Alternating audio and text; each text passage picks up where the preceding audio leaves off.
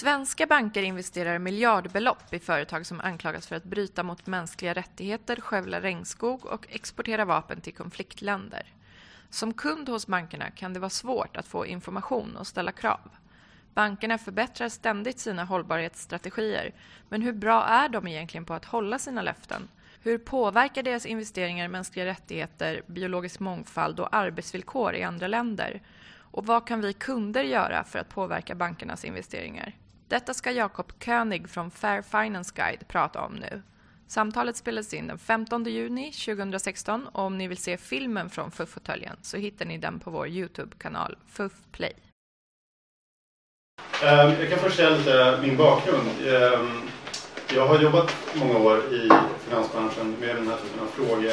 Av finansbakgrund och jobbat mycket med, med börsen och kapitalförvaltning och läst på handels. Så jag är ju finansekonom i grunden. Men har brunnit mycket för hållbarhetsfrågor, för rättvisefrågor och, eh, och eh, min, eh, det var lite av en dröm att se att det fanns ett område där man kunde kombinera de här två världarna i ett och försöka påverka på, när det gäller de här frågorna. Ehm, och nu sedan fem år så jobbar jag med det här projektet utanför branschen, försöka sätta press och påverka utifrån. Och då har vi startat eh, det här initiativet Fair Finance Gate. Eh, bara lite kort, så här, hur, varför, vad har sparpengar och pengar och min bank att göra med, med hållbarhetsproblem och, och, och frågor om mänskliga rättigheter och palmolja på andra sidan jorden. Det handlar ju om att, att man har pengar på banken och banken använder dem på olika sätt, lånar ut dem eller investerar dem.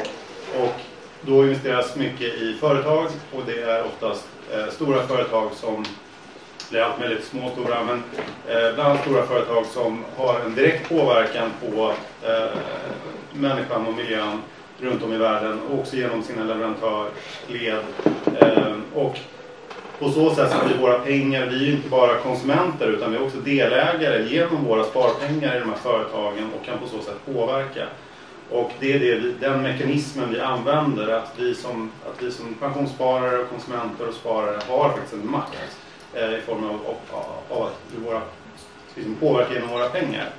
Och då, då handlar det ju om att, att få banken som är liksom mellanhanden att axla det ansvaret och göra det på ett tillräckligt aktivt och trovärdigt sätt så att det rimmar med det vi vill att våra pengar ska bidra till. Ehm, och om man tittar på ehm, vad folk vill, vill med sina pengar och vad som de skulle vilja att pengarna bidrar till så visar studier eh, väldigt tydligt på att det finns ett starkt intresse för att pengarna placeras på ett hållbart och ansvarsfullt sätt. Eh, två av tre eh, tycker att etik och hållbarhet är viktigt vid val av bank. Två av tre skulle tänka sig kunna byta bank om det fanns en klimatsmart bank. Eh, 95% tycker att pensionsfonden ska ta hänsyn till etik och hållbarhet. 60% vill ha klimatmärkning av finansiella produkter. Det finns ett jättestort intresse och varför får inte det genomslag? Eh, kan man fråga sig då. Ehm, för att det som man, om man tittar på var pengarna hamnar så är det en hel del som hamnar i, ser man snyggt här, det är problematiska sektorer och företag. Ehm, och ehm, det... Ja, just det. Jo, jag tänkte berätta lite. Eh, det här är också någonting som, som eh, bankerna och pensionsfonder och andra finansiella aktörer, de, de, är medvetna om det här och de har länge eh, lovat mycket och pratat mycket om att man tar ett socialt ansvar. De, de tar ansvar för miljön och mänskliga rättigheter. Eh, och har haft riktlinjer på det som, som har liksom varit någon typ av löften till sina kunder. Eh, här är ett vanligt eh, löfte som man kan hitta i riktlinjer men om man tittar i vad de investerar så, kan man, så hittar man det här. Och det här är någonting, de här kontrasterna som vi gräver djupare i för att se, finns det någon trovärdig förklaring, försvar för att, för att man säger en sak men gör en annan sak. Ibland finns det det, ibland finns det inte. Och det är någonting som måste komma ut i ljuset. Se att, att det här görs ordentligt. Ett annat exempel. Eh, ska endast ske till länder som respekterar mänskliga rättigheter och ändå hittar vi att man exporterar väldigt tunga vapen till Saudiarabien som används i kriget i Jemen. Och det är svenska banker och pensionsfonder som gör det. Och, och det är också en... Vi säger ju att de inte följer sina riktlinjer. Det är ju väldigt tydligt. Eh, men det här är väldigt svårt för spararna att, att, ta reda på den här informationen så de behöver den här hjälpen att vi gräver och presenterar det på ett enkelt sätt så att folk kan uttrycka sig. En annan en fond som säger att de investerar i de 100 mest hållbara företagen i världen och så hittar vi den 20 största utsläpparen i världen, ett sydafrikanskt kolkraftsföretag som bara håller på med kolkraft, vilket är den absolut största klimatboven. Eh, det är också en ganska grov kontrast. Eh, Nordea gick ut ganska i samband med COP-mötet eh, i Paris och sa att nu ska vi sluta finansiera kolbolag och tre månader senare så lånar de ut över en halv miljard till Rysslands största kolbolag. Och hur går det ihop? Eh, det som är utmaningen för spararna är ju som sagt att, att det är svårt att se vad som händer med ens sparpengar. Man är inte kanske medveten om kopplingen överhuvudtaget. Och även om man är medveten om kopplingen så är det svårt att göra ett informerat val.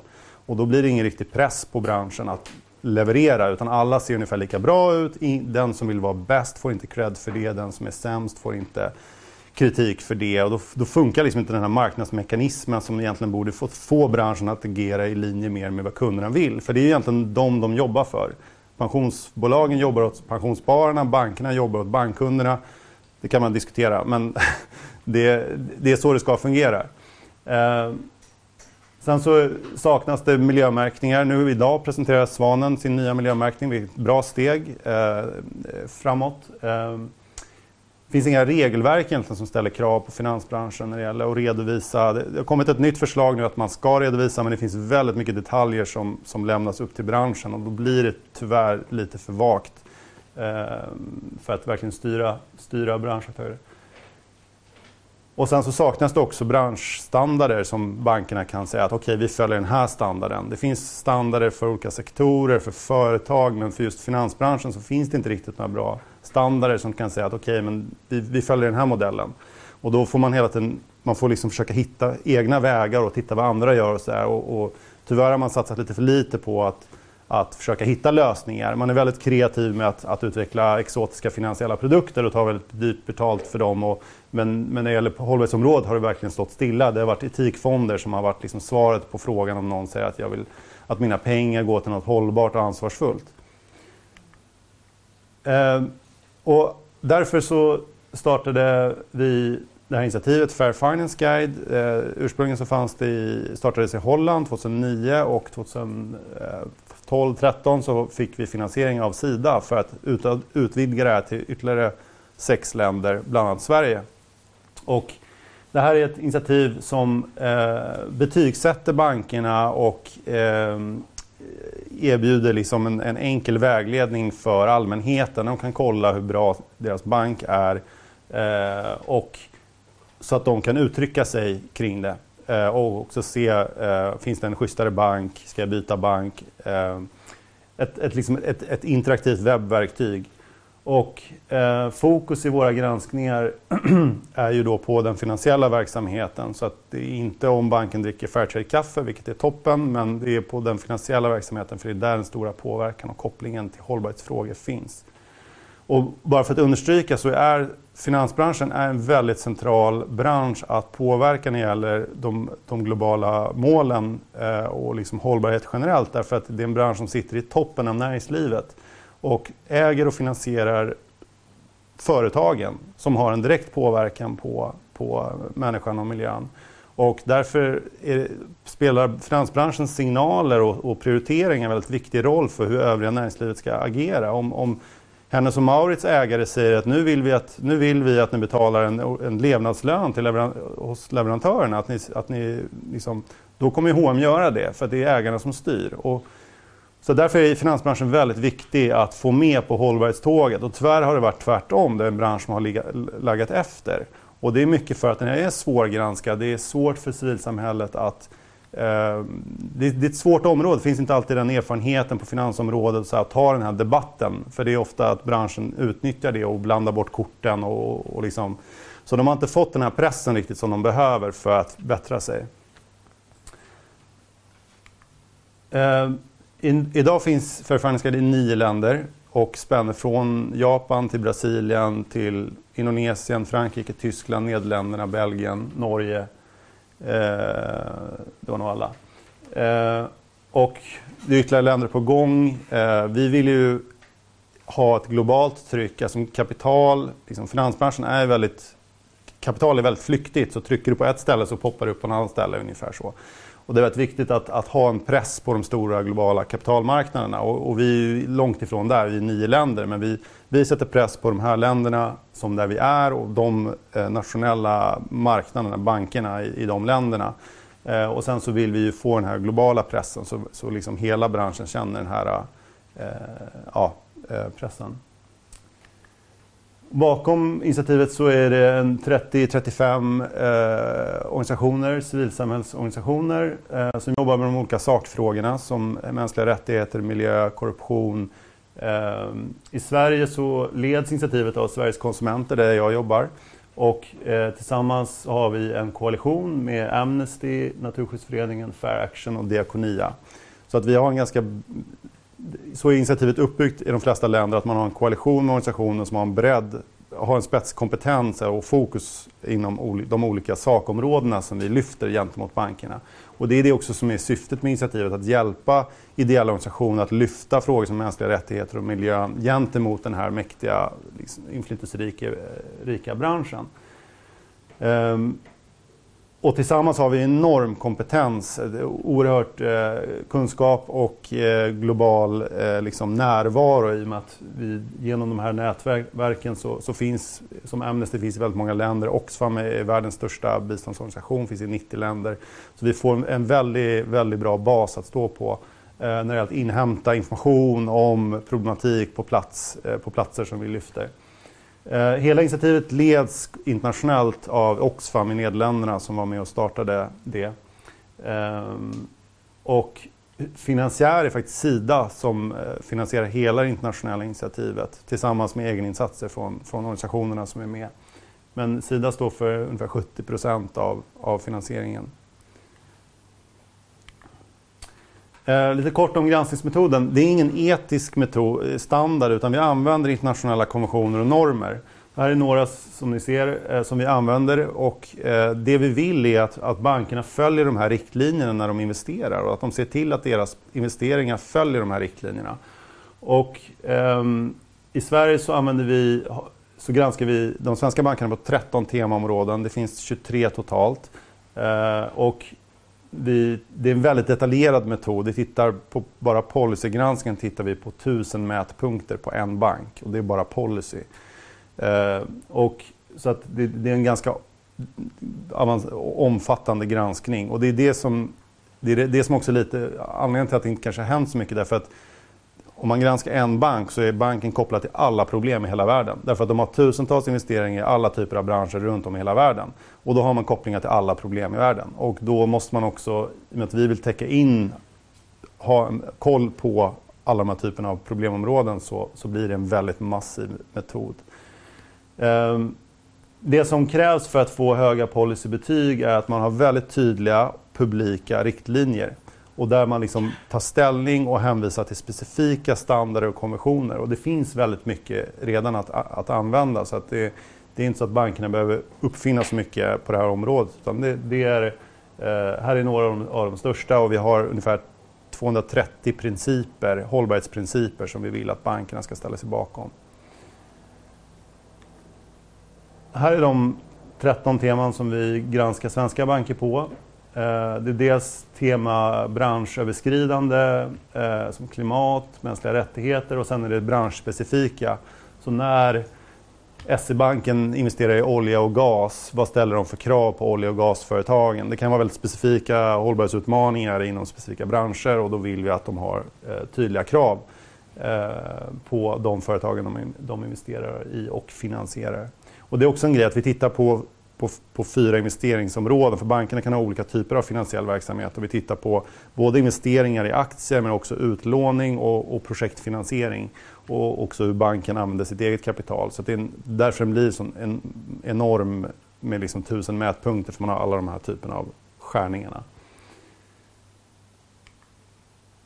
Processen, granskningsprocessen eh, går ut på att det är två det är två parallella processer. Den ena är en årlig grans, eh, policygranskning. Alltså vi gör en kartläggning av vad bankerna lovar enligt sina publika riktlinjer.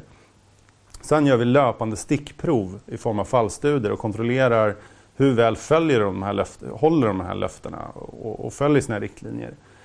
Så att det, är en, det, är det är två moment och liksom vi, vi försöker få bankerna att vara tydliga med sina, vad, de, vad de lovar, vilka riktlinjer de ska följa och eh, får ett betyg, ett policybetyg därefter. Och sen så gör vi de här stickproven. Och där, slutsatsen i de stickproven, så jag ska berätta lite om några av dem, eh, handlar om att vi, vi kan underkänna eller godkänna om man följer sina riktlinjer. Och det är en ganska... Eh, man, för man kan ju tycka så här att ja, men man kan ju lova hur mycket som helst. Policies, det är bara liksom lova, lova det mesta. Eh, men banker och, och, kanske andra branscher också, men framförallt banker är väldigt fokuserade på att följa regelverk. Det finns, en, det finns, en, eh, det finns väldigt mycket regelverk för finansområdet. Det kanske skulle behövas ännu mer. Men, men eh, man, man tänker mycket liksom regelefterlevnad. Och eh, lovar man någonting i sin egen policy så tycker man att det är ofta jobbigare att bli kritiserad för att inte följa den policyn än att vi kritiserar dem för någonting som de inte har lovat. Så att de, känner, de vet att om, om, vi lovar för mycket så, så, kan det bli obekvämt när vi gör granskningar av vad de gör i praktiken. Um, så vi, det är de här två momenten, liksom, att man försöker få dem att lova så mycket som möjligt men samtidigt vill man ju att de också håller i, i, i, att det håller i praktiken. Och det är ju där den stora utmaningen är. Nu har vi varit igång i två år och, och bankerna har liksom fokat på att samla poäng i policygranskningen och policybetyget. Eh, men börjar inse nu att vi gör de här granskningarna och de kan, eh, där man kan få underkänt och få kritik för det. Och då tvingas man ju göra mer än bara skärpa till riktlinjerna. Då krävs det mer rigorösa eh, processer, resurser till det här arbetet. För det är ett grundproblem att, att man satsar för lite resurser. Man har alldeles för många problem att hantera och har alldeles för lite resurser för att hantera de problemen. Och då, blir det inte, då går det inte att hålla löftena. Och det är lite det vi vill liksom trycka på. Så här ser den senaste policyrankingen ut. Eh, vi har tagit med, vi granskar de sju största bankerna.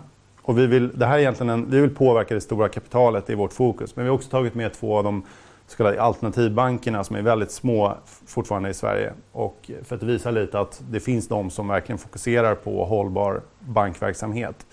Um, men som ni ser, det skiljer lite i... Man kan tolka det här som att, att ehm, så mycket lovar din bank, så, så, stor andel av de här 230 hållbarhetsprinciperna eh, ställer sig bankerna bakom. Och då kan man säga att, att Danske Bank har lovat betydligt mindre och SEB har lovat mest.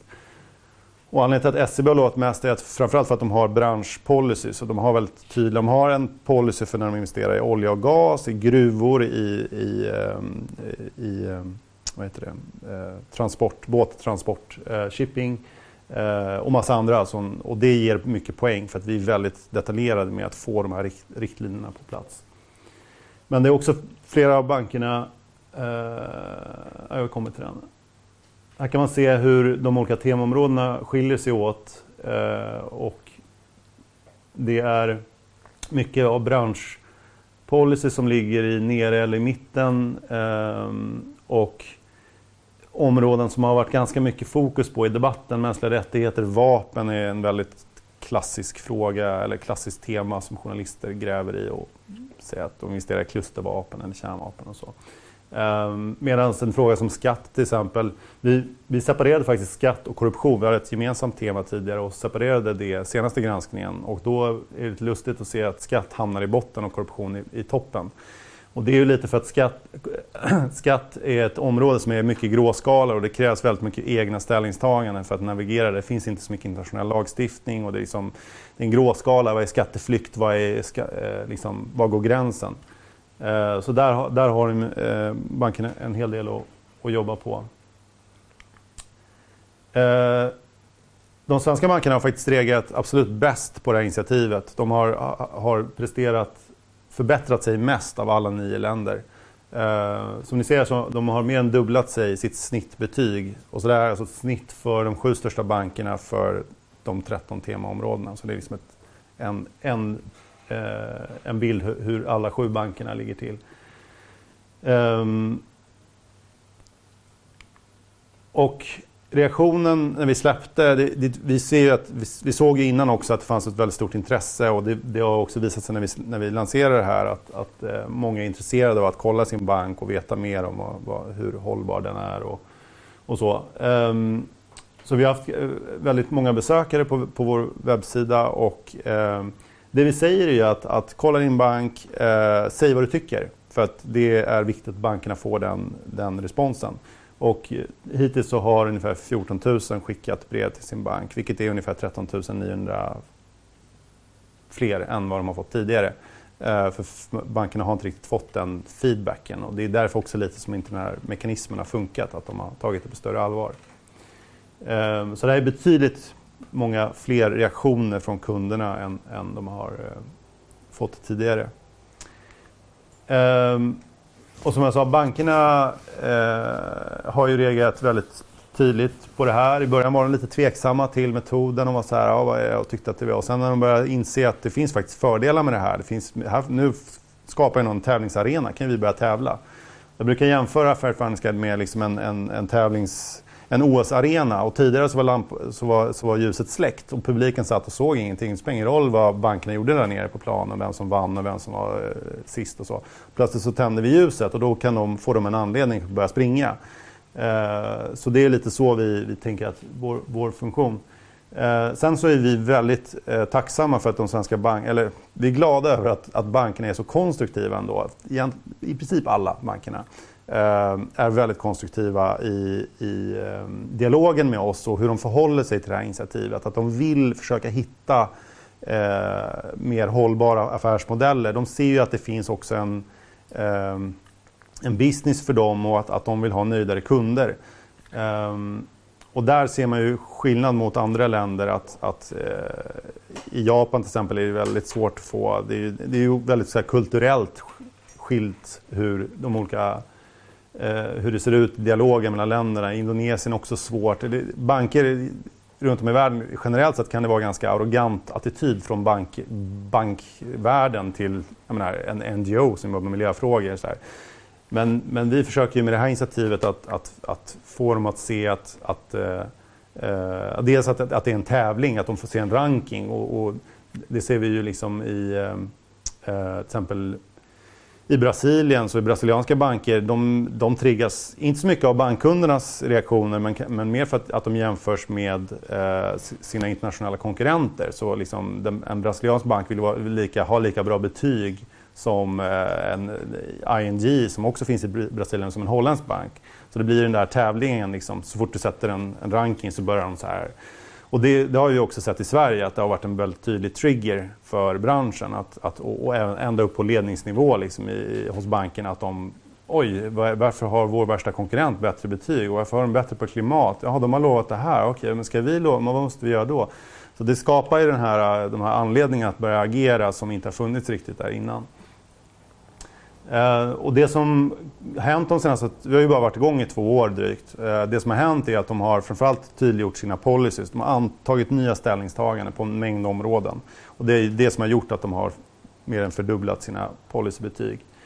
Ehm, men sen så också, några exempel är då att kol har man börjat ta ställning mot. Eh, Handelsbanken var faktiskt först ut med att ta den mest radikala positionen när vi, samma dag som vi släppte vår rapport. Så det var väldigt tydligt liksom, att de ville försöka, för de kom ut väldigt dåligt i den rapporten.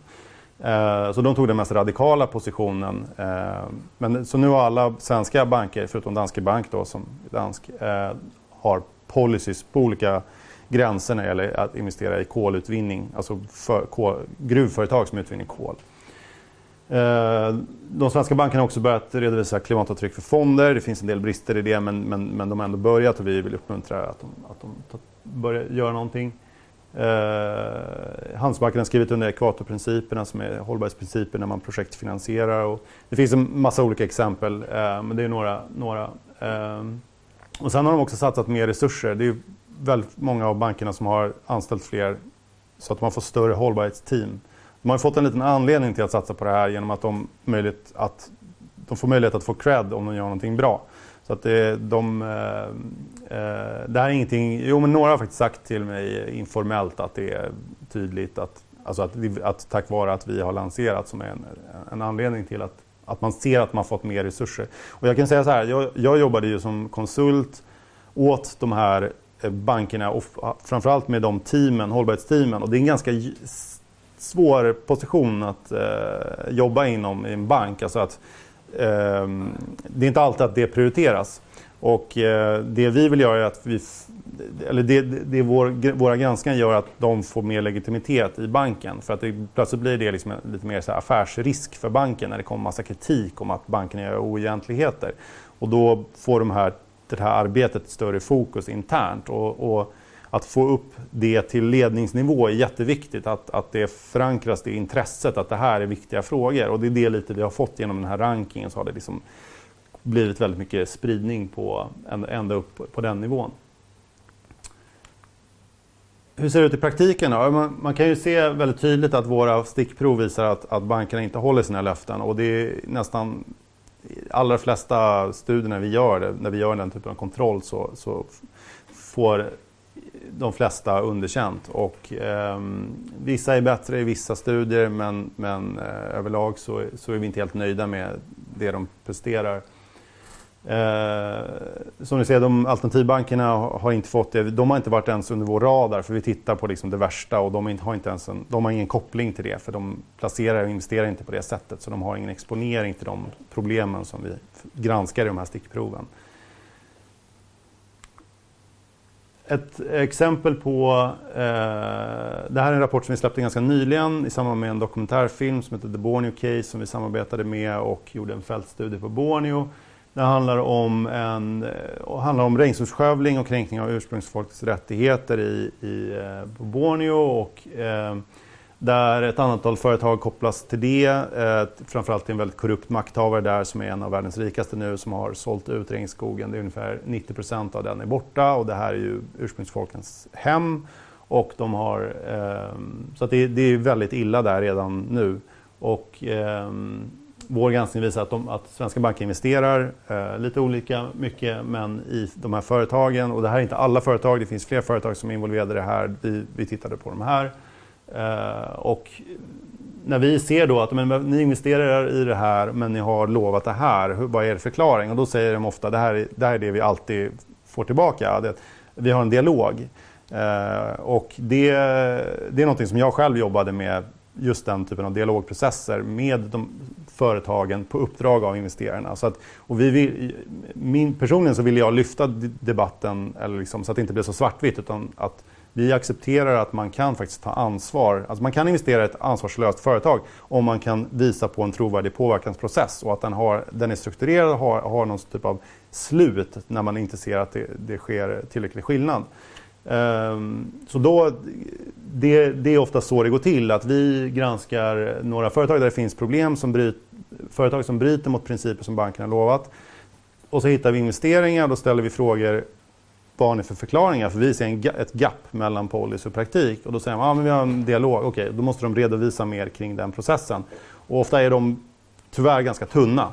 Och det är också min erfarenhet från, från branschen att, att man, har, man satsar för lite på det här så det blir väldigt ytliga. Men i vissa fall är det, är det seriösare och mer engagerat och det, det, är, eh, och det ska uppmuntras. Och det, det, det, när vi hittar sånt då lyfter vi det. Um, till exempel i den annan rapport som vi också släppte senaste månaden om Lundin Petroleum.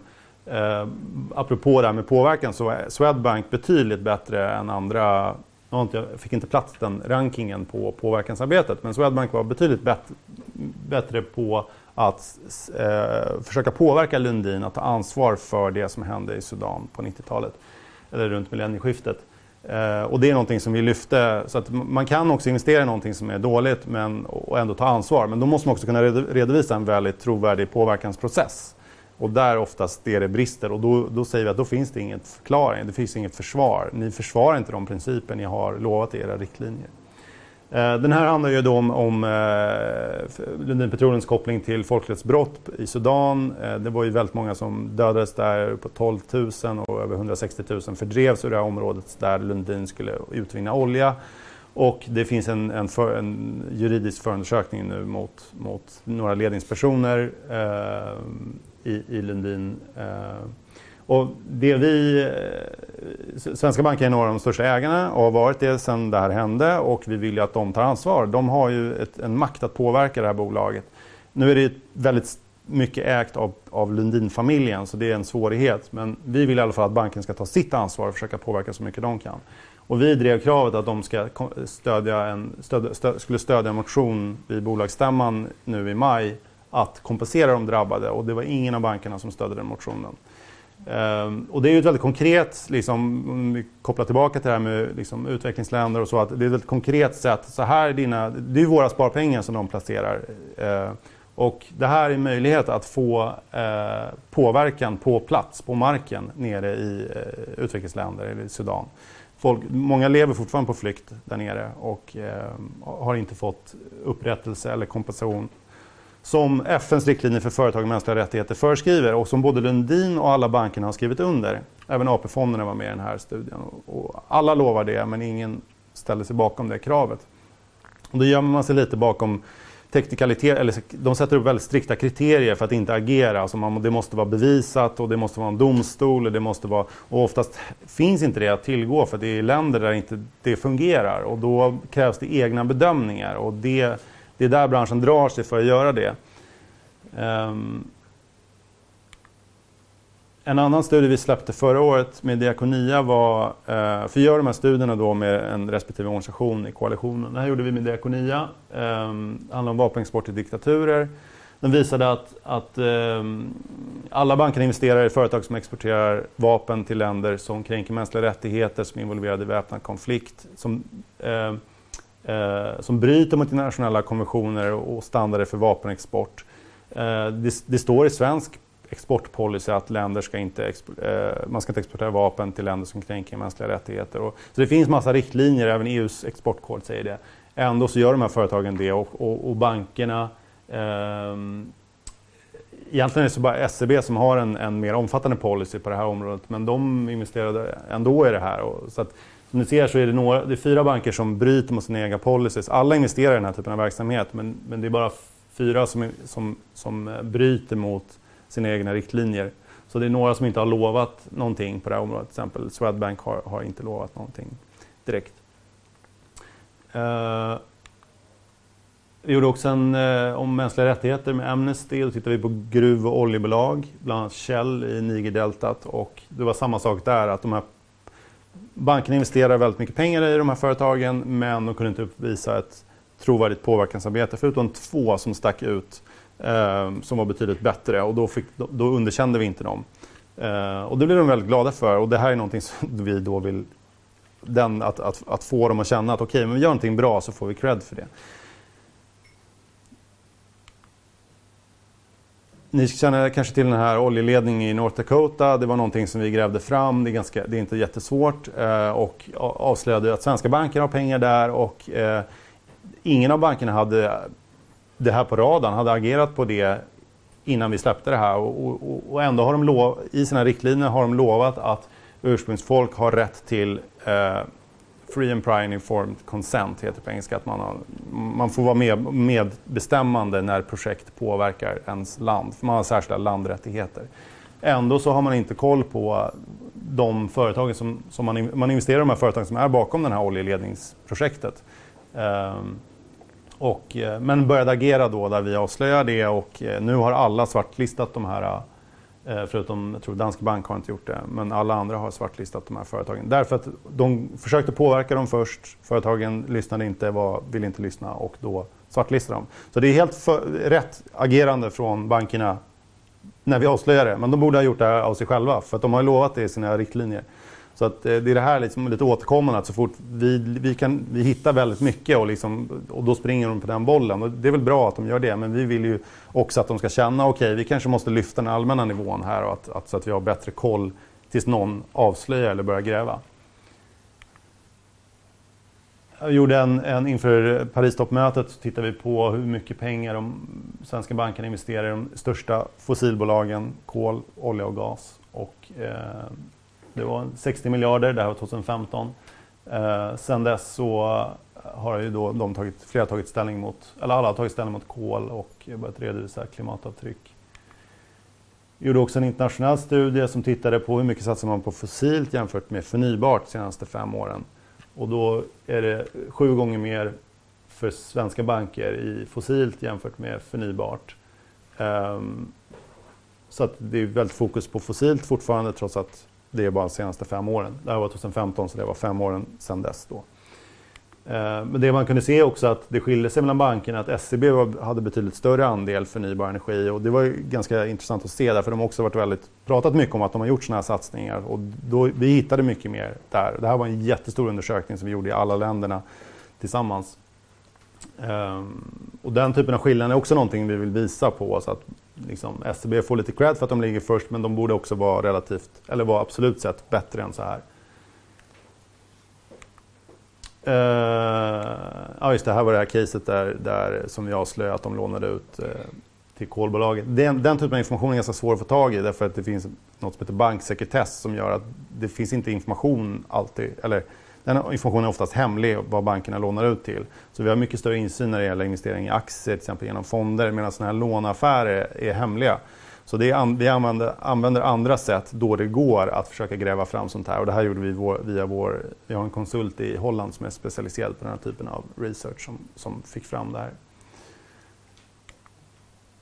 Och sen hade vi eh, en, en viss roll i Panama Papers eh, här i Sverige och eh, det här var ju också, det här är ju en typ av, här handlar det inte om deras, bankernas påverkan genom sina investeringar utan deras finansiella tjänster.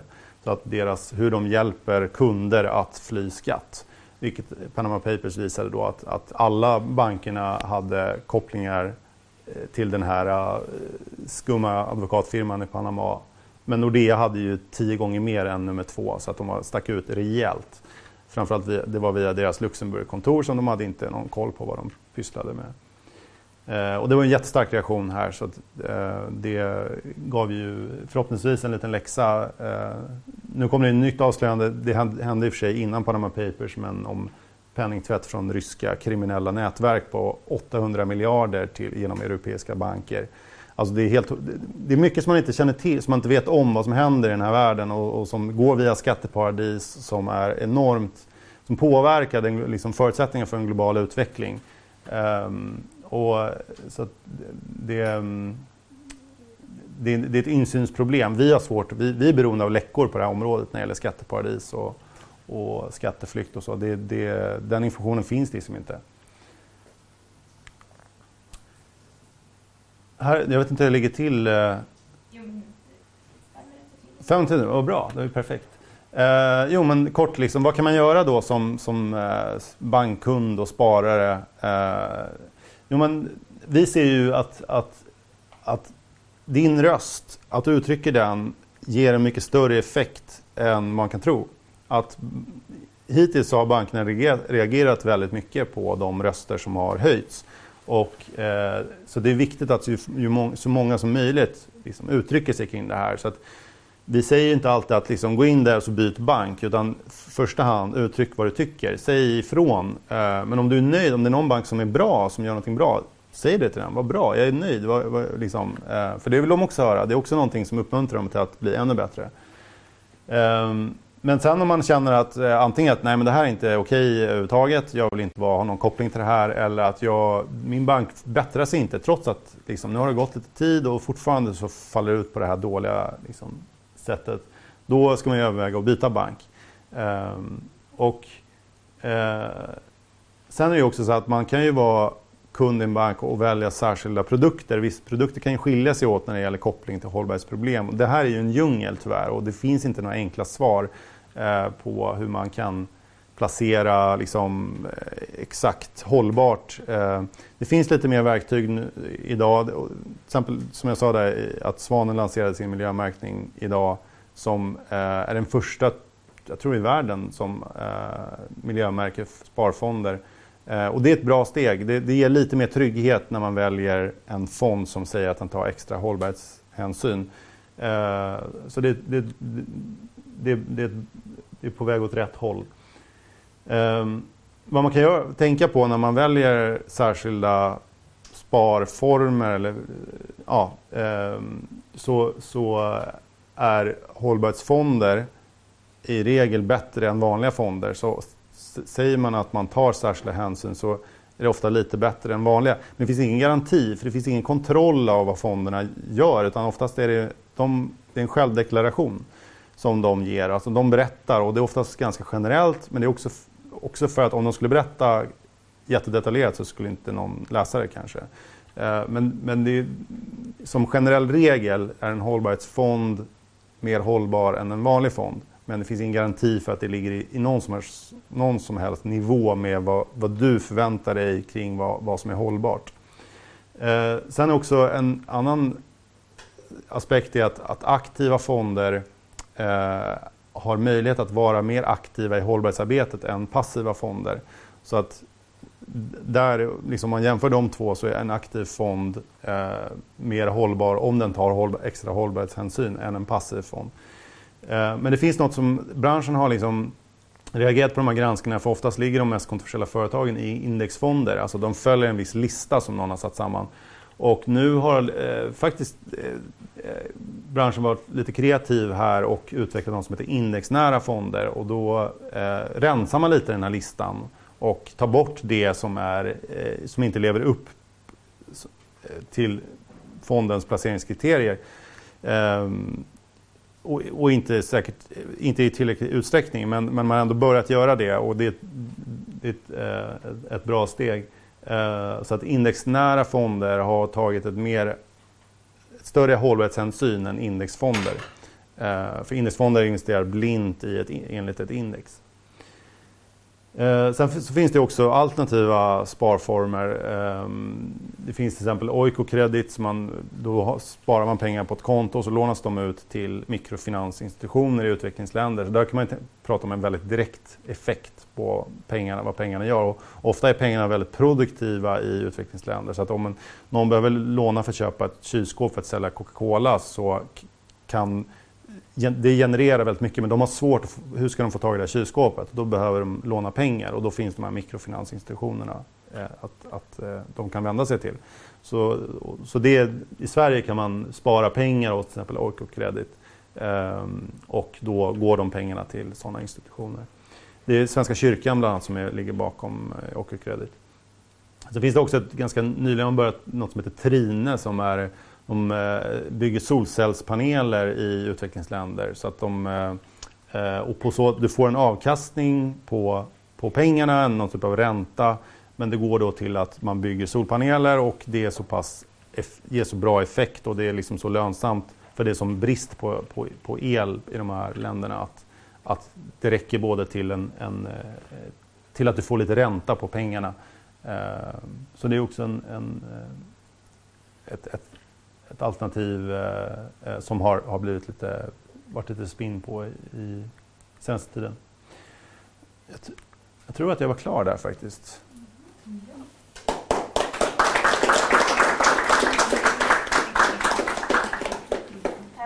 mycket. Nu hoppas vi att det fungerar lite bättre med tekniken.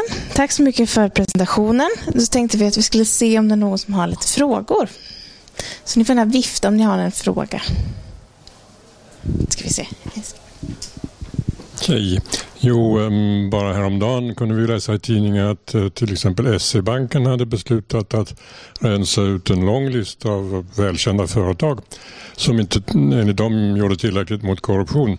Och så kom Handelsbanken lite surt och sa ja men vi gjorde samma sak men vi hann inte för publicitetsmässigt. Så vad har du för kommentar på det och varför plötsligt har de nu blivit så aktiva med just det? Uh, ja, absolut. Och det, det, här är en jättebra uh, grej. Och det är någonting som jag har lobbat mycket för mot bankerna. Så det, och många, flera av de här bolagen har varit med i våra rapporter där vi har kritiserat uh, till exempel Shell för att det inte händer någonting på plats. De Eh, för att bankerna har länge hävdat att de har en dialog och Kjell och det går framåt och bla bla bla. Men vi ser inte att de agerar på plats. Och eh, är utpekade av FN som delansvariga för, att, för den här, en av världens värsta ehm, eh, miljöförstöring. Eh, och har ett, föreslagit vad de bör göra och de vägrar göra det. Och det, det, är en del, det är en problematik där nere också med med, eh, med våld och attacker och så. Men det finns ett grundläggande ansvar hos bolaget som de inte tar. Så det här är jättebra att, att eh, nu SEB och även Handelsbanken eh, publicerar de här eh, svartlistningarna. För det är också ett sätt att påverka och det har använts länge som argument från branschen att om vi säljer kan vi inte påverka och det stämmer inte. Alltså, om du försöker fortsätta dialogen och det inte händer någonting, ja då påverkar du inte. Nästa, nästa du kan göra det är att svartlista, för då skapar du en typ av... En, en, dels sätter du ner foten och säger okej okay, nu är det liksom nog. Och, och, företagen måste lära sig det, att det, man kan inte prata forever. Eh, men sen så är det också att det, det, blir en viss stigmatisering av bolaget. Bolaget gillar inte att ligga på svarta listor, vem som än har, har, liksom satt dem där. Eh, men det blir också en press på andra investerare i företaget. Så att för i Nederländerna, när vi annonserar att, att SEB och Handelsbanken, de pitchar det direkt mot de holländska bankerna. Kolla vad de svenska bankerna, de har svartlistat Shell, vad gör ni? Så att det, här, och det är mycket följa John i den här branschen så att alla drar sig för att ta position för att det är lite obekvämt eh, och svåra frågor. Eh, men när väl någon gör det så, så följer ofta många efter. Och mycket har det varit oljefonden i Norge som har varit den som har lite tagit nästa kliv. De, har, de är ju världens största institutionella placerare och eh, har ganska bra resurser till det här arbetet och de vågar ta de här kliven. Eh, så det, här, det, är väldigt bra att, att de går ut med de här listorna. Och sen finns det ju, jag tror SEB hade 40 bolag, det finns ju väldigt många fler som, som det inte har hänt något på väldigt länge som de också kvalificerar. Men det är ett bra första steg och eh, så och vi ser ju ett ganska tydligt resultat på våra påtryckningar. För vi, har driv, vi införde i metoden, i policymetoden att man ska publicera svartlistade företag förra året. Så nu, plus att vi har en uppföljningsstudie på om Kjell som kommer och det vet de om och jag tror att det också är en, liksom att de ser att okej, okay, nu är det nog dags att, att sätta ner foten. Men alla banker har inte resonerat på samma sätt. Jag har en liten fråga som gäller som enskild individ i samhället och, och, och, allt pensionssparande och så som pågår eh, under ens livstid nästan nu. Eh, jag har aldrig i samtal med Pensionsmyndigheten på annat sätt eh, fått välja, tycker jag, vad som skulle vara ett bra val i de här frågorna så att jag inte är medskyldig till en tokig utveckling. Eh, kan man vara oskyldig? Det är den ena frågan. Den andra handlar om Panama-papperna. Eh, jag hade förväntat mig att det skulle bli hemskt mycket mer skriverier om vem som är involverad och vad gör. Men är det så tyst som det verkar eller sker det mycket i det fördolda här? Uh den första frågan. Eh, alltså Pensionsmyndigheten har ju länge haft en, en märkning av fonder. Om man, om man pratar PPM nu, prem, premiepensionen, så har de ju haft en eh, märkning som heter ME. Men den, den, det är för, för, fonder som hävdar att de tar extra hänsyn, så det har inte varit någon oberoende granskning. Eh, och det, har ju, det är ju det som är problemet. Alltså, folk när de ska göra ett hållbart val så måste det vara samma sak som att gå in i ICA-butiken och, eller någon annan matbutik och, köp, och liksom väljer kravmärkt. Du vet att okay, här är en, en, signal som säger att den här är oberoende kontrollerad, att det här är schysst. Eh, det kan inte vara liksom, att alla olika märk, märken har sin egen liksom, lilla, lilla symbol. Vem har kontrollerat det? Liksom, man vet inte vad man får. Och samma sak så måste det vara inom, inom finansområdet. Och det här är det som Svanen har nu tagit initiativ till um, som första steg, även om vi tycker att det finns en del brister i det. Men, det, men det, är, också, det är ett svårt område så vi förstår att det, också, att det kanske blev som det blev. Men, um, uh, och, och, det här med att om man var medskyldig. För man, man har två vägar. Man kan antingen välja att placera pengar som inte har koppling till problemen. Och, eh, eller så väljer man att ha en koppling men försöker utnyttja den kopplingen och den möjligheten till påverkan. Men det beror ju helt och hållet på vad din bank, pensionsfond, vilken, på, i vilken utsträckning de axlar det ansvaret. Och det är väldigt svårt att bedöma som, som vanlig människa. Eh, så eh, det bästa hade ju varit om det fanns, för, för, fortfarande så saknas det sparval som har liksom en tydlig miljönytta. Utan det handlar mer om att liksom man har ett, ett universum av tusentals företag och så säger man så okej, okay, ska vi investera i, i de bästa eh, bara, och, och liksom premiera dem för det eller ska vi investera liksom också i problemen och försöka engagera oss i det? Och vi tycker väl att båda strategier är bra men ofta när det här med att påverka så brister det i den här påverkan och då blir det ju bara att man investerar och har koppling. Man har inget försvar för, man gör inget positivt. Um, jo, Panama Papers. Um, alltså, om man jämför, tyvärr, om man jämför Sverige med de andra länderna i, i Fair Finance Guide, Nederländerna, Frankrike, så var det ett jättestort ståhej i Sverige jämfört med de länderna. Det, eh, det var, så det, och det är ju, ehm, det är ju eh, bra att, att svenskar är så angelägna om den här frågan men tyvärr så gav det inte lika stort. Liksom. Jag, jag, vet inte, jag tror kanske folk är mer luttrade i andra länder att vi kanske mer har högre tankar om, jag vet inte vad det beror, om, beror på. Ehm, och sen så har ju, alltså, om vi tittar på Nordea så har ju de verkligen känt det hit, pressen på, på sig. Det har varit väldigt mycket fokus. Folk har lämnat den banken. Uh, och, och, de hävdar ju att de har gjort en uppryckning. Vi har inte riktigt sett. De har tagit fram några nya riktlinjer som gav en del nya poäng i, i policygranskningen. Men, men uh, sånt där är svårt att granska. Det är ju igen den här insynsproblematiken. Så att vi vet inte riktigt om det har blivit så mycket bättre. Men vi tror att de har kanske fått sig en liten läxa. Och uh, och sen har ju Finansinspektionen gjort en, en undersökning, eller en granskning då av det här och eh, några banker har de sagt att okej, okay, det här har vi redan bötfällt för i annat sammanhang och det är en del av samma problematik. Och sen några tror jag fortfarande tittar på. Eh, men, men eh, jag tror att det kan komma fler sådana här läckor, vilket vi är beroende av och då får man se, har det, har det förändrats eller fortsätter det? Jag är lite rädd för att i och med att det är sån det är sån insynsskyddad verksamhet att man hela tiden hittar nya sätt att liksom kringgå. För det finns väldigt starka drivkrafter att tvätta pengar, att, att, att fly skatt. Eh, och, och, man är inte riktigt eh, risk, riskerar inte så mycket att bli avslöjad. Men det är klart, de här läckorna bidrar väl till att kanske eh, att, att bli lite mer försiktig.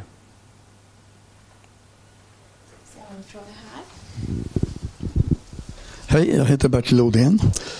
Eh, jag, jag, eh, för det första, grattis. Ni har ju redan efter två år fått ett visst genomslag om jag förstår din presentation eh, rätt. Och, sen så har jag då typ 114 frågor. Men, men ja, just det. Eh, en eh, som inte får räknas som fråga är ändå en information om hur många förutom du är det som så säga, jobbar med det här och hur lägger ni upp när det gäller de här, eh, de här fallstudierna som ni gör? Eh, vem bestämmer vilka fallstudier och så? Har ni någon styrelse eller hur, hur, hur funkar det? Mm. Det är mm. liksom den här interna organisationen. Och du nämnde den norska, den, den, första frågan då blir, du nämnde den här norska oljefonden och jag föreställer mig att eh, deras eh, metoder och, och, och sättet de arbetar på förmodligen har väldigt det finns mycket att hämta där och jag undrar om ni har Eh, någon sorts eh, samarbete eller, eller att ni eh, kan få dra på deras erfarenheter när det gäller att granska och, och, och rejta de här olika företagen och fonderna. Mm, jag kan börja med dem. Ja. Och, eh, det första, eh, vi, vi är i Sverige vi sex personer som jobbar eh, inte heltid. Jag jobbar nästan heltid. Eh, men det är vi är två personer på Sveriges Konsumenter, liksom på kansliet. Eh, och sen är det en, en, person på respektive partnerorganisation som sitter med i styrgruppen och som eh, är, när vi... Eh, de kommer framförallt in mer aktivt när vi gör fallstudier. För då är det så att vi teamar upp med, okej okay, nästa är Amnesty, vad är ni intresserade av att göra, vad är det för fokus ni vill ha, vad är det för någonting? Och så försöker vi hitta ett, ett sätt att, att utvärdera bankerna, vad är det för koppling och så. Mm. Uh, så att varje studie är, är liksom bestämd av, av respektive partnerorganisation beroende på deras prioritering eller fokus. Um, och det som också, som jag kanske inte nämnde, är att, att, att vår, vår metod och granskningsprocess är helt transparent. Så att vi, eh, metoden finns online, den är ganska mm, massiv att läsa men den är välstrukturerad och man kan se exakt vilka konventioner och normer vi bygger allting på, vad är problemet och vilka principer är det och var kommer de ifrån, var har vi härlett de här olika principerna och så. Um, och sen granskningsprocessen så är vi också helt transparenta. Vi informerar bankerna i god tid, så att det här kommer vi göra, vi kommer titta på det här och det här. Och sen skickar vi en enkät och sen så följer vi upp med intervjuer och vi har väldigt detaljerade frågor. och sitter och Vi vill verkligen få, med, få bankerna att ge sitt perspektiv och dela med sig av, av vad de, deras förklaringar till hur, varför det ser ut som det gör och, och så. Uh, och, och sen när vi när vi är klara med när vi sammanställer våra resultat så skickar vi det till dem för faktakoll. De får se, okej okay, det här är det vi har hittat. Har ni några synpunkter, kompletteringar eller så? Och sen när vi är klara med rapporten så skickar vi den en vecka förväg så att de förbereder sig inför att vi eh, lanserar. Så vi är väldigt, väldigt transparenta och verkligen får med att bankerna känner att det är, ett, det är liksom fair från vår sida. Vi, vi försöker inte eh, liksom, eh, göra antaganden eller så utan verkligen Eh, få med dem i granskningsarbetet. Um, och just det, um, och det är lite kopplat till en andra fråga där med, med oljefonden. Det, det är ju så att eh, alltså i nätverket så finns det en del organisationer som jobbar bara med att granska finansbranschen. Det finns en hel del kompetens. Jag har ju personligen många års liksom, erfarenhet av de här processerna. Men också att vi har väldigt mycket dialog. Vi, vi har haft, eh, jag räknade 23 individuella möten de senaste två åren med bankerna. Med folk, med, med folk som jobbar med de här frågorna på bankerna. Så vi tar in väldigt mycket av deras liksom, synpunkter och sådär. Så eh, vi, jag tror att vi är väldigt ajour med vad som är standard eller liksom så, de arbetsprocesser som finns. Sen kanske inte vi tycker att de är tillräckliga alltid. Um, men men um, um, det, är, det, är, ett litet, uh, det är som jag sa ett dilemma att det inte finns några bra standarder på det här området som bankerna kan säga att men vi ska följa den här standarden. Utan man får, det är lite ett lapptäcke av löften och processer och liksom sådär. Uh, det finns ju PRI, kanske flera känner till, men det är egentligen bara ett, det, det är ett forum och så lovar man sex generella principer om att ta ansvar. Men det, det, innebär egentligen inte så mycket annat än att man ska rapportera lite, lite information en gång om året. Ehm, så att, eh, det är fortfarande under, alltså där branschen försöker hitta lösningar på de här eh, utmaningarna och, hitta, och titta på andra, vad gör de och vad funkar och sådär. Men, men i Sverige så är det mycket eh, fokus på, på dialog, på engagement, på, på att vara en aktiv ägare och det är någonting som vi vill upp, uppmuntra. Att man kan ta ansvar som en, som en aktiv ägare. Men då måste det också kunna redovisas på ett trovärdigt sätt. I de andra länderna kan det vara mycket, för det, vi har ingen standard för hur man gör fallstudier, utan, för det finns ingen standard och det, vi anpassar dem för lite förutsättningar för varje land. Och i, i, länder som Tyskland, Belgien, Frankrike är det, ganska, är det mycket, är lite mer radikalt, eller lite mer Framförallt för att branschen har varit ganska, ganska arrogant och då blir ju, tvingar det ju till civilsamhället att bli mer så här aktivistiska och gå mer på svartvita attacker. Och det har vi sluppit i Sverige och det är väldigt skönt att vi kan ha den här äh, mer nyanserade diskussionen.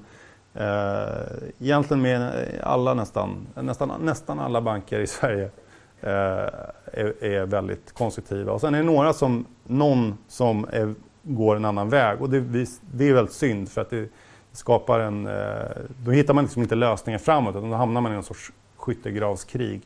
Um, och det, det, det är inte optimalt.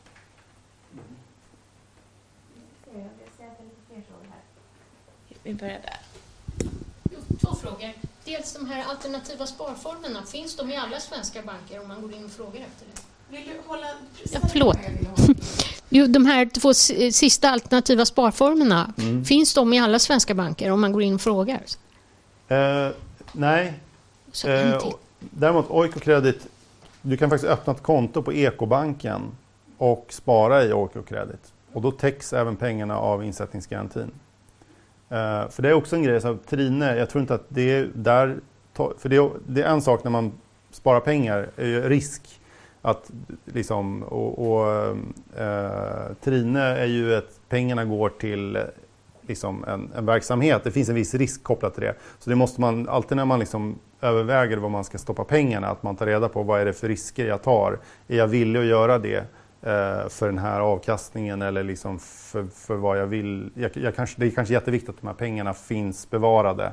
Då kanske det här är för riskabelt. Så, eh, Trine finns inte tror jag, via någon bank utan då får man gå in på deras webbsida och eh, spara direkt via dem.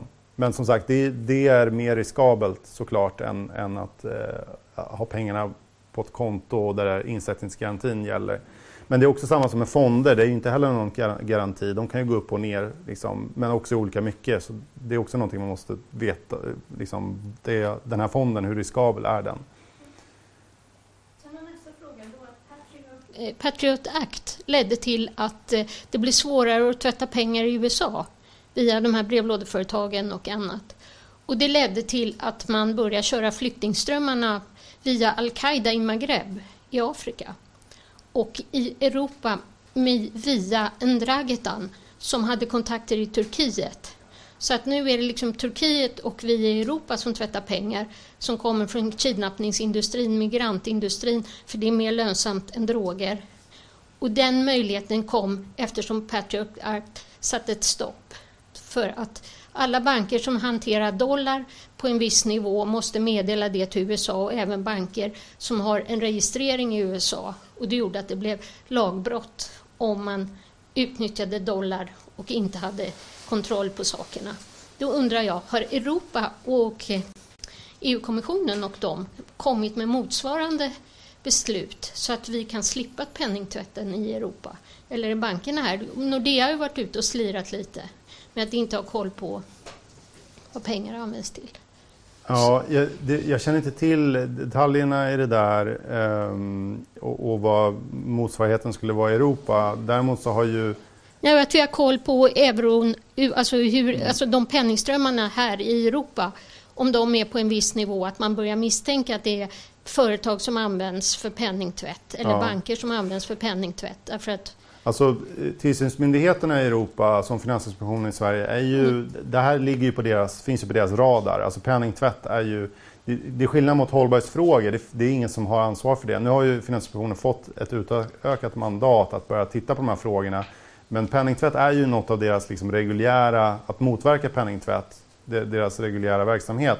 Sen om den är tillräcklig, nej men kanske inte. Men det är också mm. den här svårigheten med att att eh, banker har filialer i skatteparadis och vad pysslar de med där och vem mm. har tillsynen där? Och det är det som problemet med skatteparadis, att, de, att det är lite eh, High Chaparral som gäller där. Alltså det tillåts för mycket och det är ingen tillsyn och, och det är väldigt eh, insyns... Det, ehm, eh, det, det, finns inte, det finns inte riktigt något intresse från myndigheterna att, att, att komma till rätta med det här Eftersom det är det som de lever på, att locka till sig den här typen av verksamhet. Även om de inte säger det utåt och även om all verksamhet i skattepolis är inte, handlar inte om penningtvätt och skatt, skatteflykt. Utan det, kan, det, det, finns också fall där det är legitimt människor som är under, lever i, i eh, politiskt eh, riskabla områden och, och liksom måste ha sin, sina tillgångar. Och, så, det, det, finns fall också. Men, men generellt sett så är, är skatteparisen eh, eh ett, eh, ett jättegissel för världsutvecklingen. För att det skapar de här, de här eh, vilda västern-områdena som gör att man kan slippa undan ansvaret globalt i andra länder. Och också organiserade brottsligheten som startar byggföretag, hotellresurser, alltså i turismindustrin och, och vinner upphandlingar och det ena med det andra och, så, och kasinon och så tvättar man pengar. Och det, ja, nej, okej. Okay. Men jag, då, då förstår jag. Jag tänkte fråga, använder eh, bankerna i dialogen mer eh, ibland eller till och med är det vanligt att de hävdar att det finns en intressekonflikt mellan olika sorters regelverk? Eh, till exempel att de är skyldiga enligt svensk lag att generera vinst till sina aktieägare och regelverk som har med mänskliga rättigheter och hållbarhet? Eller är det en icke-fråga i sammanhanget? Eh, eh, bra fråga. Eh, det är Egentligen är det inte uttalat som en intressekonflikt därför man pratar om att hållbarhet ger lönsamhet. Eh, och, ehm, och jag, det man kan fråga sig då, om det nu är så, varför satsar man så lite på den typen av analys och styrning av placeringarna? Eh, att det finns en liten eh, liksom, att man kanske inte riktigt tror på det här själva men, men man vill göra det och det låter bra. Eh, sen, så, och, och, sen så är det inte över, så liksom generellt rakt över utan det kanske finns inom vissa branscher så är det mer extra Alltså det, kopplingen mellan hållbarhet och lönsamhet är starkare än i andra. Och, och liksom, eh, men, det, men sen är det ju ett, ett, ett, ett, eh, ett annat liksom, problem det här med, och det finns en, en hel del eh, som liksom tittar på hur man kan utveckla, eh, vad heter det, aktie... Jag menar man, man bo, eh, startar ett bolag, liksom själva ryggraden i bolaget och vad syftet är med bolaget. Att, att öppna upp för att det inte ska vara bara att maximera vinsten. Men hittills har inte det liksom riktigt varit ett problem för man har sagt att det går hand i hand. Um, Däremot så, så, eh, kan en del lyfta att eh, vi kan inte satsa på det här därför att det kostar pengar och vår, vårt ansvar är att maximera avkastning till våra sparare. Det har ju varit en, mycket, en, en, en, eh, en lång diskussion angående AP-fondernas regelverk och den skrivningen, för det säger man att de ska ta etik och miljöhänsyn utan att göra avkall på det övergripande, övergripande målet om, om hög, eller vad man säger, avkastning. Eh, och det som är intressant här är ju att alla AP-fonderna talar om att eh, hållbarhet ger lönsamhet, alltså att det inte är en konflikt mellan dem. Men ändå så satsar man ju väldigt lite på den typen av styrning. Eh, så att det finns en, det finns en eh, inkonsekvens i det här som liksom, vad man säger och, och, och vad man gör. Um,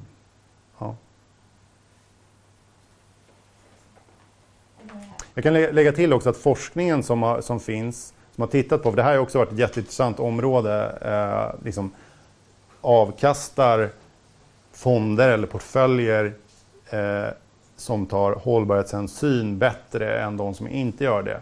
Och eh, för några år sedan så sammanställde UNEPFI, som är FNs miljöorgan på något sätt, eh, de 20 främsta forskningsrapporterna och då var 18 av 20 var positiv eller ingen effekt medan två var negativa.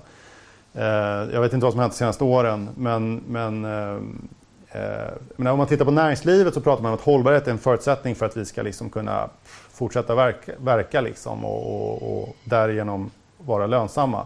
Ehm, men, men, samtidigt så ser man ju att kanske man inte riktigt satsar på det så mycket som, som man då borde göra. Jag vet inte. Ja, som sagt, det där verkar ju positivt. Men som sagt, det finns ju, och du har delvis nämnt de andra stora investeringsorganismer, typ försäkringsbolag. Eh, varje gång vi köper en hemförsäkring så investerar de pengarna, premierna någonstans tills det är dags att betala ut.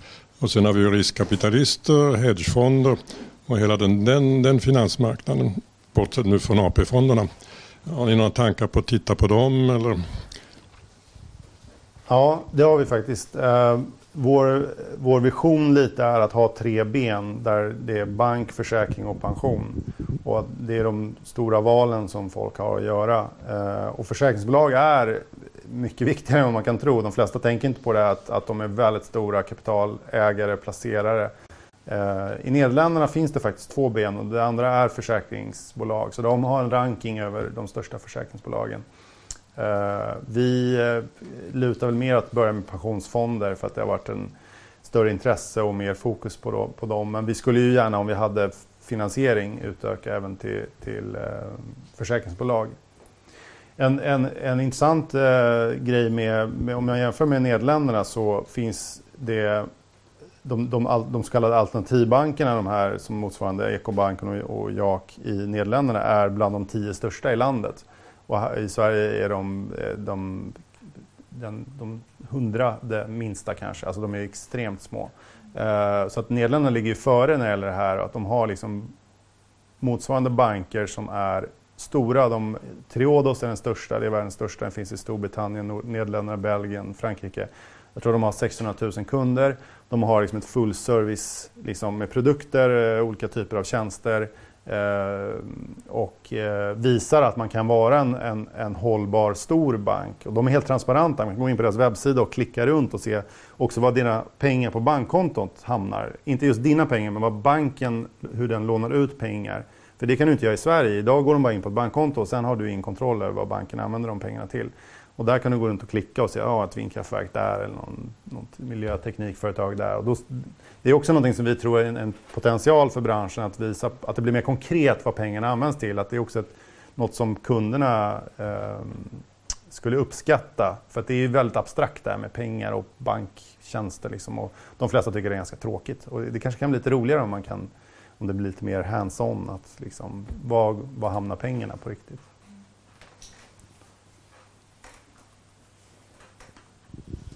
Ja, jag fortsätter på min lista. Ja.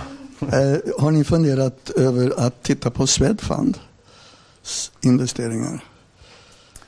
Um, det, det, är den ena frågan. Den, ja. den andra frågan, du, du nämnde att eh, du ser för, eller ni ser framför er att, att eh, den här typen av granskningar ska komma att ske i fler och fler länder. Och jag, jag tänker på Transparency International som ju nu har en enorm eh, position eh, eh, när det gäller liksom image på, för olika länder. Då. Men det, det här skulle ju vara fantastiskt. Kan du berätta om vilka länder eller vilka som man kan förvänta sig mm. som tillkommer här under de närmaste åren? Tack. Mm. Uh, vi överväger inte att granska Swedfund. Det ligger lite utanför eh, vårt... Vi, fokuserar på det där allmänheten har sina pengar. Swedfund är en lite eh, annan spelare. Eh, och ehm, det som vi är mycket beroende av är liksom bankernas placeringar på börsen i stora företag. Swedfund har ju väldigt specifika finansieringsprojekt i utvecklingsländer och de ska man ju granska och de blir granskade. Ja, men inte utifrån en hållbarhets eh, rakt av som ert raster jämfört med Nej, då är det mer Uppdrag granskning som åker ner och liksom så här. Så att det som är svårt också är att, man, man, att, klump, att det är redan svårt att man ska ratea någonting så måste liksom man kunna hantera att aktörerna ser lite olika ut. För att, för att liksom det ska funka med en jämförbar liksom, utfall. Och det här är redan ett problem med för vissa banker Eh, Skandia de har inga krediter till företag. Eh, Länsförsäkringen har det men bara till jord, mest till jordbruksföretag. Det är massa sådana. Så, så, vi försöker få ihop dem till en samma typ av bankverksamhet. Skandia är ett försäkringsbolag också. Liksom. Så det är sådana här små utmaningar. Och Swedfund är ju en väldigt annan spelare och det skulle bli jättesvårt att få, att få in dem i, i den rankingen. Eh, när det gäller länder, eh, vi har ju dialog. Framförallt så, så är våra våra expansions... Eller det låter väldigt eh, korporativt eller så. Men eh, det går mycket via Oxfams nätverk och de finns i väldigt många länder.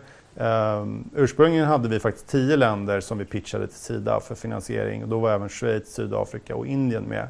Men fick droppa dem för att vi inte fick tillräckligt med pengar.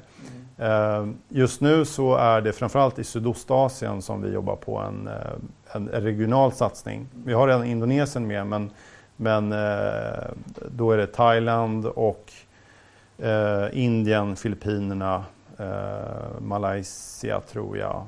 Eh, så det är någonting som Oxfams regionkontor i Bangkok jobbar på att, att eh, sätta ihop. Eh, sen, och, eh, vi, har, vi gjorde en rapport första året där Transparency International var med och skrev en del av, av vår rapport. Och, eh, vi, har haft, vi har en del kontakter med dem. Det utmaningen är att det finns väldigt mycket organisationer att få saker att funka, att hända, att det måste... Eh, för det är lite finessen med för Finance att vi har liksom en gemensam ryggrad, det är den här policyrankingen, mm. den metoden. Och sen, eh, för, för, min bild av sådana här internationella nätverk är att det blir lätt tungrot. Och man pratar och det är liksom så att man cirkulerar saker. Men liksom, vi måste ju leverera och komma framåt. Och, då, eh, och det är ganska tidskrävande den här typen av dialoger och vi, vi, har, vi, vi har dialoger med väldigt många olika organisationer i många olika länder. Men man måste vara liksom verkligen prioritera, så här, var kan vi se att det kommer hända någonting? Ni kan teama upp med dem och hur kan ni göra det? Och här är metoden, har ni verkligen förstått vad det funkar och liksom, vad är era speciella förutsättningar? Hur kan vi anpassa och hjälpa? Och liksom så, så eh, men sen andra länder så har vi intresse från i Sydamerika. Vi har, finns i Brasilien, men även Chile är intresserade. Eh, vi vill gärna in på, i USA. Eh, där är tyvärr, eh, för Oxfam har en regel att det är, det är någon sorts konfederation. Finns det en Oxfam i ett annat land så får en annan Oxfam inte ta sig in där utan att den Oxfamen är okej okay med det eller är med det. Och i USA så är man lite försiktiga med, för det, där finns ju en stämningskultur och att ge sig på en stor bank kan du få, liksom, det kan bli väldigt jobbigt. Så att där, där har vi inte riktigt, eh, ja, där har inte, jag tror att de drar sig lite av den anledningen. Um, men sen och även Storbritannien har vi eh, en organisation som vi jobbar väldigt tätt med för att försöka få det att starta. Men, men det här är, det är ju sånt som eh, ja, det är väldigt tidskrävande och eh, vi tar det lite sakta och utökar det successivt. Man måste hitta den här, man måste också hitta den här egna drivkraften. Man ser att okay, det här är en organisation som verk, verkligen vill det här och inte bara att, att det, här kan vi få finansiering och, och göra någonting. Vi vill verkligen se att det, för att de här, de här nationella koalitionerna är självgående så vi i Sverige är liksom vi bestämmer hur vi ska jobba. Vi, menar, vi har en projektplan och vi har liksom massa mål och så som, som vi rapporterar och så. Men, men eh, tanken är ju att, det, att varje land måste vara självgående och driva det här. Och liksom, eh, det, det, är svårt att... Eh, det blir ett monster om det är någon ska sitta något huvudkontor globalt och, och försöka styra liksom, eller få saker att hända. Ja, eh, jag tänkte be dig att sia lite i framtiden. För jag tyckte så mycket om när du liknar det här med att man går in i en matbutik, man tittar, jag väljer kravmärkt, jag väljer den här eh, märkningarna. Um, hur långt in i framtiden kommer det dröja innan jag kan få liknande märkningar när jag väljer pensioner och när jag väljer försäkringsbolag? Och framförallt, vad kan privatpersoner och vad kan civilsamhället göra för att trycka på just för att få eh, märkningar och oberoende granskningar mer? Mm. Um, jag brukar göra en annan liknelse, som kanske är lika uh, uppskattad. Um, med, alltså, det grundläggande problem som branschen har är att de har en alldeles för stor kostym och eh, alltså de har väldigt mycket problem att hantera och en väldigt liten kontrollapparat. Och lite så såg det ut i textilindustrin för 10-12 år sedan att man hade väldigt, väldigt många leverantörer men en väldigt liten kontrollapparat som såg till att det inte fanns barnarbete, taskiga arbetsvillkor. Den branschen har, det finns jättemycket problem kvar i den, den branschen, men den branschen har transformerats på ett sätt som jag menar att finansbranschen också måste gå och det är att de har minskat ner antalet leverantörer och jobbar mycket mer långsiktigt med dem. Alltså att man inte bara dumpar någon som missköts utan jobbar aktivt för att de ska förbättra sig. Men de har också minskat ner så att de blir mer hanterbart. Och skalat upp kontrollapparaten så att man verkligen kan hantera alla de risker och problem som man är exponerad för. Och det är en resa som jag tror att finansbranschen måste göra och det har man inte gjort på sedan länge och nu så börjar man lite så här Eh, jag menar, går man från en person till två så är det 100% ökning. Det är fantastiskt. Men liksom, det är fortfarande eh, jämfört med det berg av frågor och, och så exponering man har eh, så, så, har man väldigt långt kvar. Men vi kan se hos vissa banker, eh, jag vet att SEB säger att de har, att de har minskat ner rejält med investeringar eh, och, och, i syfte av att, att få bättre kontroll på vad man placerar. Fortfarande har man liksom ett par tusen företag man placerar i så, så det är fortfarande en, en enorm utmaning. Men eh, det, det, går väl åt, åt rätt håll, men det är den typen av, av resa man måste göra. Sen så är, är vi också så här att eh, vi tror att alltså det är inte så att varje bank måste ha en, eh, 100 personer som sitter och, och kontrollerar investeringar och samma företag som den andra banken har 100 personer tittar på den. Utan där finns det väldigt bra eh, Eh, skalfördelar genom att anlita konsulter. Och det, bland annat där jag jobbade på en sån konsult där, som gör den här typen av research, påverkan, analys åt många investerare som investerar i samma bolag. Så då kan de kontakta bolaget och säga så här, hej vi representerar 60 institutionella investerare, de har kapital på 10 000 biljoner eh, och så här mycket pengar i ert företag och, vi, och, sen, och göra den och då, då kan liksom då kan man pola ihop den här Eh, Eh, så att, så att, inte alla behöver göra, sitta och göra samma jobb. Liksom. Det, det ideella hade väl kanske det varit fantastiskt men det kanske ekonomiskt inte hade varit optimalt. Och det, min erfarenhet är att de här konsultfirmorna är ganska eh, pressade eh, ekonomiskt för att eh, det är en global marknad där alla granskar ungefär samma bolag så att konkurrensen blir global. Och, och, och, och länge har det varit så att branschen, alltså banker och pensionsfonder har inte prioriterat kvalitet utan de har egentligen köpt en tjänst som ska ge, ge dem ett, någon typ av alibi ifall de får frågor på... Ja, ja, lite så. Och då har det blivit ett race to the bottom i prissättningen och kvaliteten på de här produkterna. Och det är också någonting vi vill vända för att vi säger att när vi granskar och, och de hänvisar till sin konsults processer som de betalar för, då säger vi så här, det är fine. Vi ser gärna att ni är med på de här mötena men det, det är okej okay om ni, eh, att ni köper en lösning som visar hur ni tar ansvar. Eh, men då gäller det också att den redovisningen är trovärdig och, strukturerad och har tillräckliga liksom, krav. Eh, men det, så vi tror att den här, samma resa måste de göra men det finns lite fördelar i, i finansbranschen. När vi ser en, en bra miljömärkning, alltså um, vi hoppas ju att Svanenmärkningen kommer tas på allvar från branschen. Tyvärr så innehåller den kriterier som inte är riktigt vassa på vissa områden som ger mycket tolkningsutrymme. Så det blir lite upp till branschaktörerna som tidigare att bedöma vad som är en, en, en hållbar placering. Och jag tror att det finns en, en viss eh, risk när det gäller förväntningar för att folk, när det är någonting är miljömärkt, så skapar det vissa förväntningar. Och kriterierna har inte egentligen de, den, eh, de är inte så skarpa de är på vissa områden men det finns väldigt mycket som är upp, lämnas upp till förvaltaren. Och det är upp till branschen då att visa på att och jag vet inte när, när en sån... Svanen jobbar ju med att de tajtar åt kriterierna överlag så funkar ju även deras tvättmedelsmärkning och så att de tajtar åt det. Eh, så att förhoppningsvis kan det här utvecklas vidare. Eh, men det är ett, det är ett knepigt eh, område för att skillnaden mot, skillnaden mot att märka en banan eller en, en tvättmedels produkt är att tvättmedelsprodukter ser ungefär likadana ut. De innehåller ungefär samma ämnen och så säger man okej, okay, men det här ämnet får ni inte använda eller ni får max använda det här ämnet. En fond kan se ut helt olika och den kan investera i vissa regioner, vissa branscher, stora företag, små företag, räntor. Alltså, det, så att de är inte homogena och ska du då ha en märkning som ska kunna hantera alla de här olika, liksom, det, det är en jätteutmaning. Så de har ju tagit fram någonting som ändå ska funka men det blir lite mer lite mer light-version än, än vad jag tror som skulle vara en kravmärkning av en banan. Tack för att du lyssnar på FUF-podden. FUF är en förening som sprider information och skapar debatt om globala utvecklingsfrågor. Mer information om vår verksamhet hittar du på fuf.se.